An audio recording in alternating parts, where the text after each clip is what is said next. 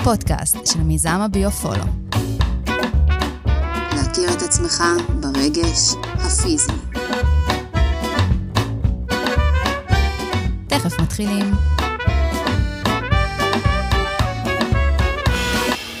אז ברוכים הבאים לפרק הנוסף שלנו בפודקאסט של הביו-פולו. אני יאנה מיריל, מטפלת ברפואה אלטרנטיבית, מייסדת הביו-פולו. אני אלי כהן, מומחה לרגשות, ואני בעצם uh, מייסד ומפתח וממציא את הביוטסט, וגם uh, מייסד הביו-פולו. והשיטה המשולבת אה, בביו-פולו זה הטיפול המשולב, אה, טסט בביוטסט, ולאחר מכן טיפול מדויק בטיפול אה, הפיזי.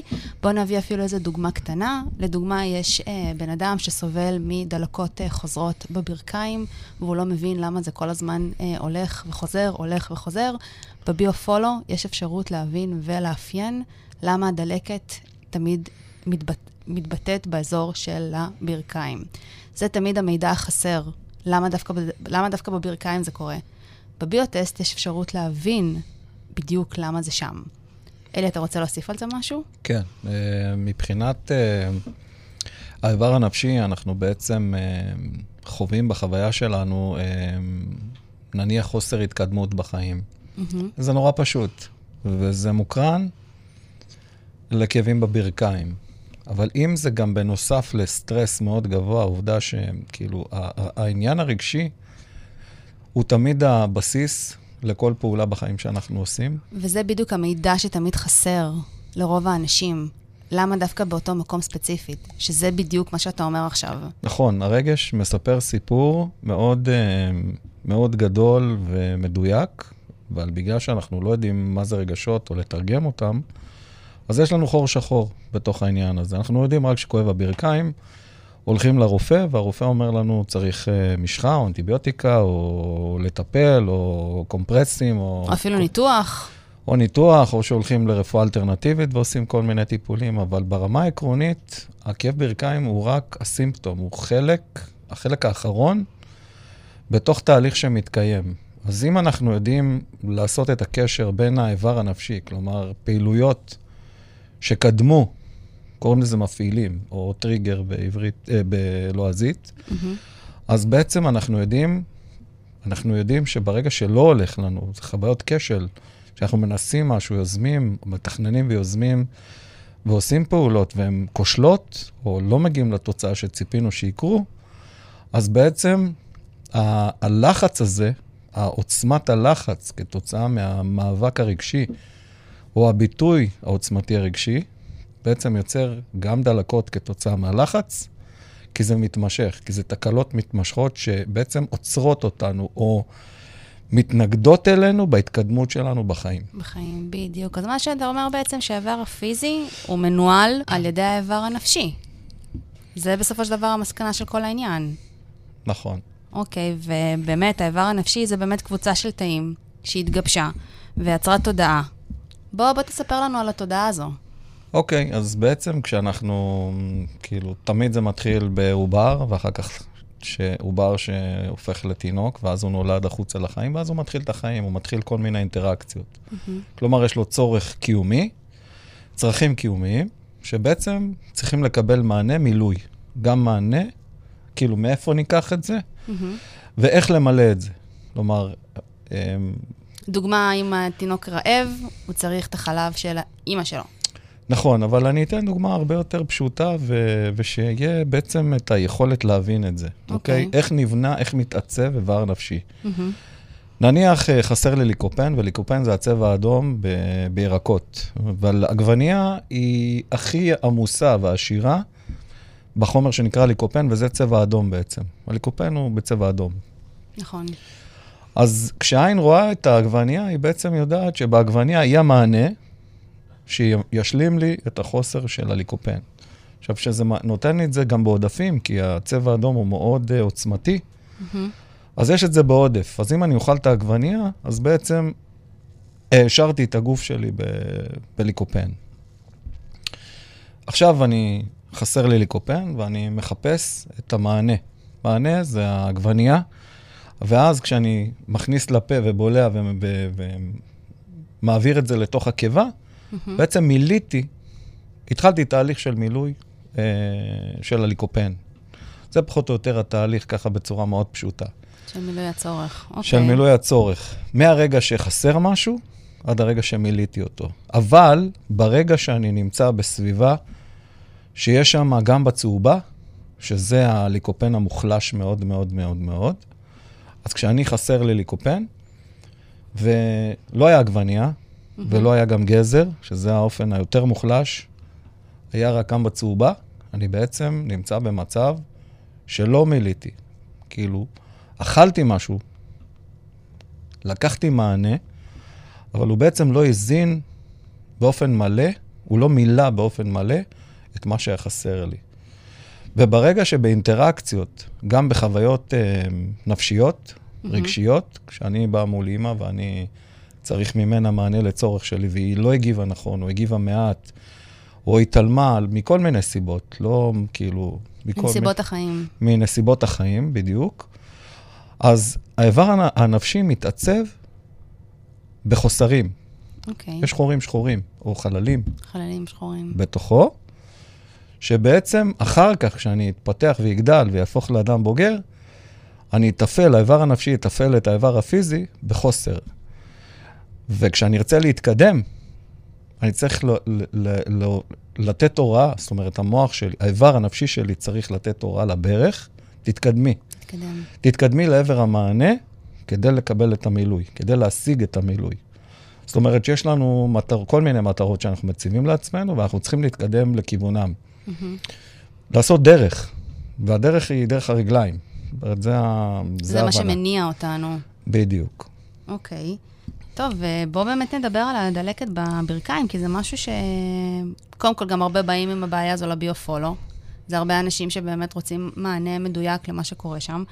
ובואו באמת נדבר שם על מה שקורה עם העניין של הסחוסים והמפרקים. הרי יש שם המון אלמנטים בברך, שזה הסחוסים, הגידים, יש אפילו את הפיקה, שהיא ממש אחראית לגבי ה... ה... להניע ולהוריד את, ה... את הברך. מה, מה, מה קורה שם מבחינה נפשית ברצועות ובגידים? אז מה שקורה... בנקודת זה... החיכוך.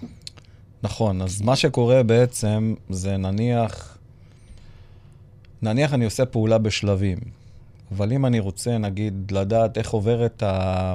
איך עוברים, איך עוברת ההוראה, mm-hmm.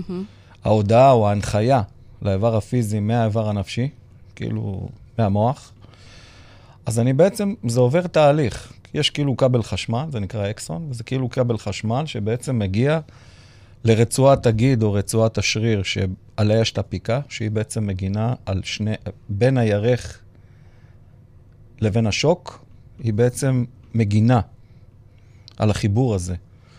או כשנופלים, או כשצריך להניח את הברך על הרצפה, או... ממש בולם זעזועים להר...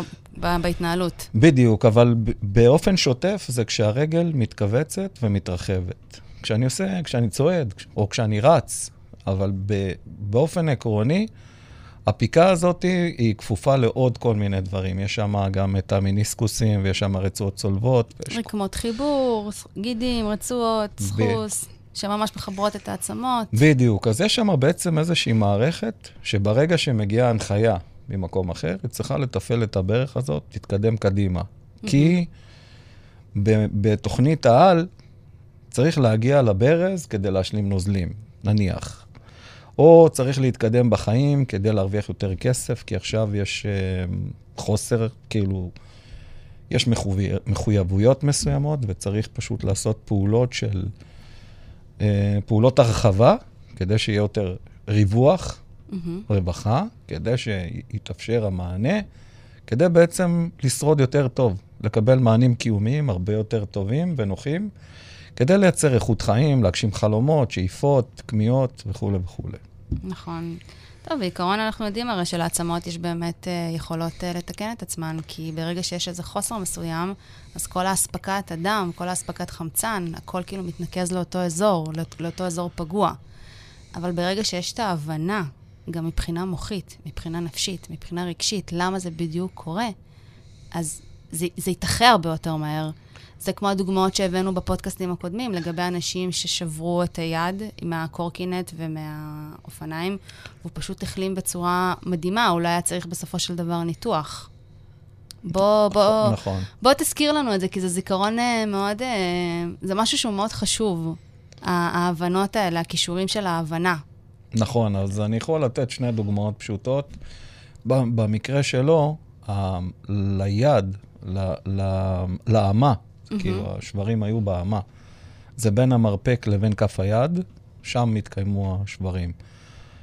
ובעצם החוסר תקשורת, או ה, ה, היחסים המאוד עכורים ולא תקינים מצד האימא, שהיא כאילו כל הזמן גוננה ודאגה ו... ואמרה, כי היא, היא, זה לא היה מודע, כן? אבל היא כל הזמן צמצמה אותו, כדי שלא יהיה צורך בדאגות, או שלא יהיה איזה אובדן שליטה, או כל מיני... אז היא כל הזמן צמצמה, כדי שיהיה שליטה ומגוננות, כדי לעזור לילד, אמ, שלא ייפגע, שלא יקרה לו נזקים. זה מתוך דאגה, זה מתוך mm-hmm. דאגה של אימא. אבל בעצם, כאן האיבר הנפשי נבנה עם שלילה. כאילו, לשלול ממנו את העצמאות, את העצמיות, את, ה... את העצמאות העצמית, כדי להציב מטרות ולהשיג אותן. Mm-hmm. אבל ברגע שאנחנו תומכים ומלווים, ש... שאימא תומכת ומלווה, אז הילד בעצם גודל. אבל ברגע שכל הזמן יש... אמ... דיכוי, סוג של דיכוי? משברים, אוקיי. Okay. משמע שבר. כאילו זה נורא, משבר זה מהמילה שבר. ואז בעצם הוא חווה את זה בקצה, באופן מוגזם, כשבר, אבל זה בעצם פציעה שמסמנת את חוסר התקשורת, את חוסר הדינמיקה בין האימא, בין, בינו לבין האימא. אני רוצה לתת עוד דוגמה, דוגמה mm-hmm. נוספת. דוגמה שהיא נטו נפשית רגשית. אוקיי. Okay. נגיד עכשיו חסר לי כסף, כאילו עכשיו נגיד אה, עשיתי עוד התחייבות. יש לי משכורת, ועשיתי התחייבות נוספת ביחס ל... להתחייבות הקודמת, ובעצם ההתחייבות הזאת מצריכה ממני ליצור, כאילו להשיג יותר כסף. ואז אני לא יכול, כאילו אין איזו פעולה מיידית שאני יכול לבצע אותה כדי להשיג יותר כסף באופן עצמאי.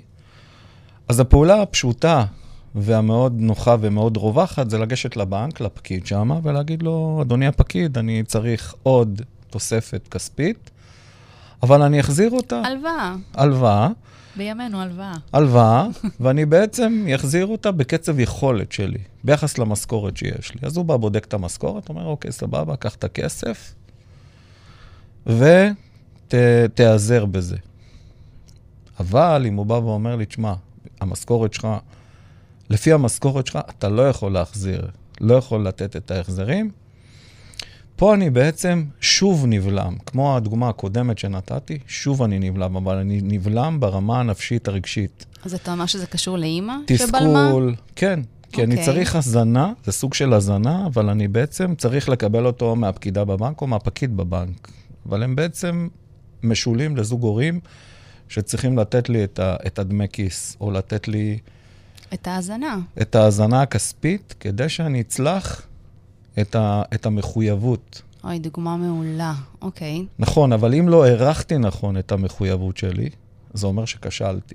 ופה נכנס מצוקה וסבל רגשיים, שאחר כך מובילים לתסכול מאוד גדול, כי מתחילים לחצים גבוהים מאוד, ואז מתחיל כאבים בברכיים, כי אני לא בעצם צלחתי את ההחלטה ל- ל- להתפתח או לקדם את עצמי בהתרחבות הכספית שהחלטתי עליה, על דעת עצמי. שמתאימה לי. בדיוק, היא לא תואמת לי לא בסופו לא של דבר, ופה בעצם נוצר נקודת כשל מאוד גדולה, שבעצם מאוד מאוד מקשה עליי, ואז זה בא לידי ביטוי במימד הפיזי. במימד הפיזי. כן, כאילו התנהלות, אה, התנהלות כאילו מקבילה לממד הפיזי. בדיוק. וזה בדיוק גם מה שקורה בביו-פולו, כי בביו-פולו באמת יש אפשרות להכיר את עצמך ממקום של הפרסונליזציה, מהמקום האישי, שזה מכוון לאותו בן אדם. אנחנו לא מדברים הרי על תיאוריה כללית, אנחנו מדברים ישירות לאותו בן אדם, מה מתאים לו להתנהלות היומיומית של אותו בן אדם שממלא את הביוטסט. נכון. ואני רגע גם רוצה להוסיף עוד משהו, אה, על מה שדיברת מקודם, עם הקשיים מול האימא ומול הבן. אה, בגלל זה גם הרבה פעמים שיש מערכות יחסים עם המון קשיים, אז זה באמת יוצר דלקות מאוד חריפות בממד הפיזי. עם פוצע או בלי פוצע, הכוונה, ילד נוסע בקורקינט, ילד נוסע באופניים, ילד פתאום נתקע בקיר, ואז באמת נגרמת איזו פציעה מסוימת. נכון. חוויית התסכול היא בעצם חוויה של חסימה, חוויה, חוויה של מעצור, עיכוב. עיכוב, כן. התסכול הוא בעצם ביטוי רגשי לזה שאני עצור, או חסום, או כאילו, אני לא יכול, אני תקוע במקום, אני פשוט לא יכול להתקדם. אין לי רעיונות, אין לי פתרונות, אין לי, אין מי שיתמוך. אני מבודד, ואין לי דרך קדימה. כן. אני במעגל סגור. עכשיו, זה יכול להוביל לדלקות בכל מיני מקומות, או בברכיים, או כאבי ראש. הדלקות יתקיימו בכל מקום, אבל הרעיון המרכזי הוא שברגע שאנחנו מכירים את עצמנו ויודעים לזהות נניח אם היה לי איזה לחץ אימפולסיבי שעכשיו אני הולך ועושה איזה פעולת התחייבות, mm-hmm. שהיא מנותקת. אני לא מכיר באמת את מה, כאילו, כמה המשכורת שלי, ואם אני יכול לעבוד לאורך זמן, ואם יהיה משבר כלכלי עולמי, אני לא יודע, כל מיני כאלה חישובים שקולים מאוד ו- וקרים, מה שנקרא, אז אני בעצם חרגתי. וברגע שחרגתי, אני, אני יוצר על עצמי לחץ שיכול להוביל לקושי פיזי. מדלקת ועד פציעה ועד שבר וכולי. כאילו מה שאתה אומר שמבחינת המוח והפעילויות שלו, אמ, זה, זה, זה כאילו מה ששולט על כל הממד הפיזי שלנו. כאילו, יכול להיגרם, יכול להיגרם, יכול להיגרם פציעה, ויכול גם לא להיגרם פציעה, אבל בסופו של דבר, איך שאנחנו מסתכלים על, ה, על היכולות ההתנהלויות שלנו, זה הכל כאילו מה, מה שיש לנו במוח. ניתן דוגמה מעולם הספורט. נגיד okay. אוקיי. יש שחקן כדורגל, mm-hmm. שהמאמן שלו מאוד ביקורתי כלפיו, כי הוא לא מרוצה מההתנהלות. וה... והשחקן תלוי ביקורת המאמן, או אם הוא נותן לו דקות משחק, או משתף אותו, או סומך עליו, או מעודד אותו, וכאלה, זה לא מתקיים, ומתקיימת הרבה מאוד ביקורת. אז השחקן מאבד ביטחון, ופה יש סכנה של פציעה. כי ברגע okay. אוקיי. שהוא איבד את הביטחון, את ה... התנתק הקשר בעצם בין המצב המנטלי שלו, המוחי, mm-hmm. נוצר נתק מהגוף, יש שיבושי קורדינציה. הוא פתאום לא יודע מה, לקבל את הכדור, הוא לא יודע לאן לבעוט. הוא, הוא עושה טעויות שמבחוץ, כשמסתכלים על זה, חושבים שהוא לא יודע לשחק. טעויות של לחץ. ש... טעויות, טעויות של לחץ, לחץ בדיוק. כן. בזמן שיודעים, כל הזמן שעוקבים אחריו, יודעים שהוא שחקן טוב. כישרוני, שחקן טוב. ולא מבינים איך פתאום הוא איבד את היכולת. איך זה יכול להיות? ואז כועסים יותר, לא מבינים שצריכים רגע לעשות פה איזשהו משהו, אה, כאילו, לחבר מחדש, להרגיע, לתמוך, לחבר. וזה בעצם התהליך שעושים דרך היכרות עצמית. כן, באמת אה, מבינים אה, מי אנחנו. טוב, אז בסופו של דבר, צריך להפסיק לחלום ולהגשים דרך ההיכרות העצמית את הדבר הנכון. כמובן שלאט-לאט ובטוח, כדי להגיע הרבה יותר מהר ל- ל- למקום השלם עם עצמך. פעם אחת, ופעם שנייה זה להגיע להישג, למטרה, להצ... לחוויית ההצלחה, ולהרגיש שבעצם קבלת ההחלטות שלך הן מדויקות בחיים והן מקדמות אותך. כן.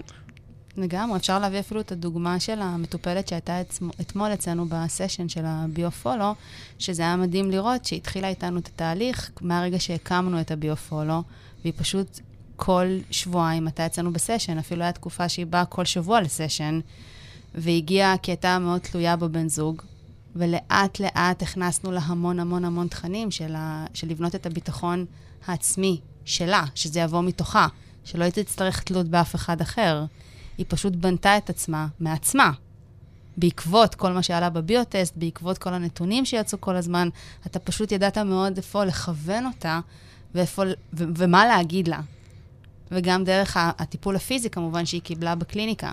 כן, דרך התמיכה הפיזית בעצם יצרנו חיבורים יותר חזקים, mm-hmm. שהתחושת ביטחון של, של זרימות, של, תקשור, של תקשורת, של מהרגע שצריך משהו עד הרגע שהם משיגים אותו, כל התהליך הזה שתיארנו קודם, מהמם.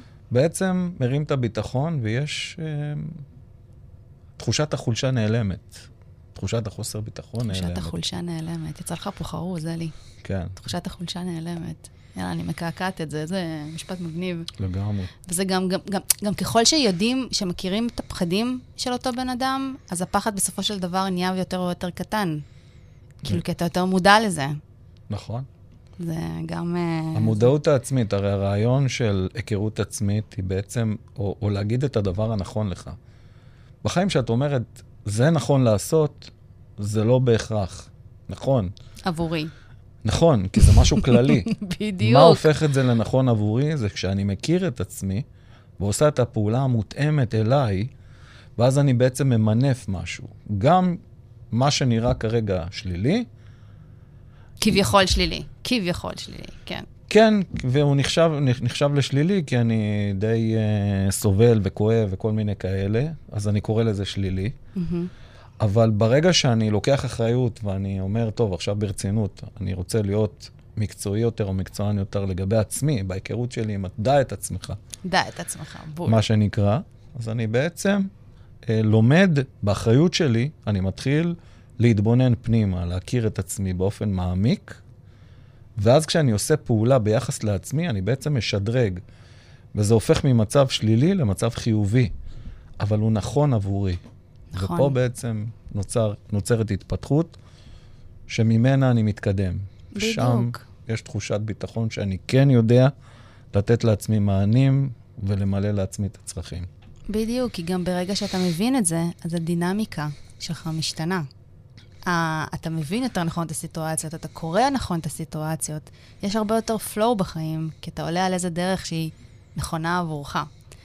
מאזינים יקרים, תפסיקו לחלום, ותתחילו באמת להגשים דרך ההיכרות העצמית, הפרסונלית של כל אחד. ובביו-פולו יש אפשרות להבין את זה, ולאפיין את זה. אתה רוצה להגיד עוד משהו לפני שאנחנו... כן, לדעת, דרך? ההיכרות העצמית, לדעת, לזהות, לאפיין ולתת מענה נכון, מהפיזי או מהנפשי, וליצור flow שלם, שלמות, תקינה, הרמונית ונכונה. אגב, מה שאמרת עכשיו זה בדיוק כזה, הפיל לי איזה אסימון, שזה באמת מה שהתחושות שאנשים יוצאים מאיתנו. כאילו, הם מגיעים קצת מעורערים, קצת מפוחדים, קצת אה, לא מבינים מי נגד מי, ובסופו של דבר, שיש להם את ההבנה, הם יוצאים כאילו גם מבחינה נפשית הרבה יותר משוחררים, הרבה יותר מבינים על עצמם, וגם מבחינת הגוף, אחרי שהם עוברים את הטיפול הפיזי, הם יוצאים כאילו באיזה סוג של הקלה. כאילו הכל בסנכרון הרבה יותר טוב נכון, עם עצמם. לגמרי. Uh, טוב, אז uh, זה היה הפרק הנוסף שלנו, שמסביר על האיבר הנפשי והאיבר הפיזי, uh, וגם את המיוחדות של הביו-פולו. אז תודה רבה, אלי. תודה רבה, יאנה. על המידע המרתק, כמו תמיד, ואנחנו כמובן uh, נתראה בפרק הבא. ביי. ביי.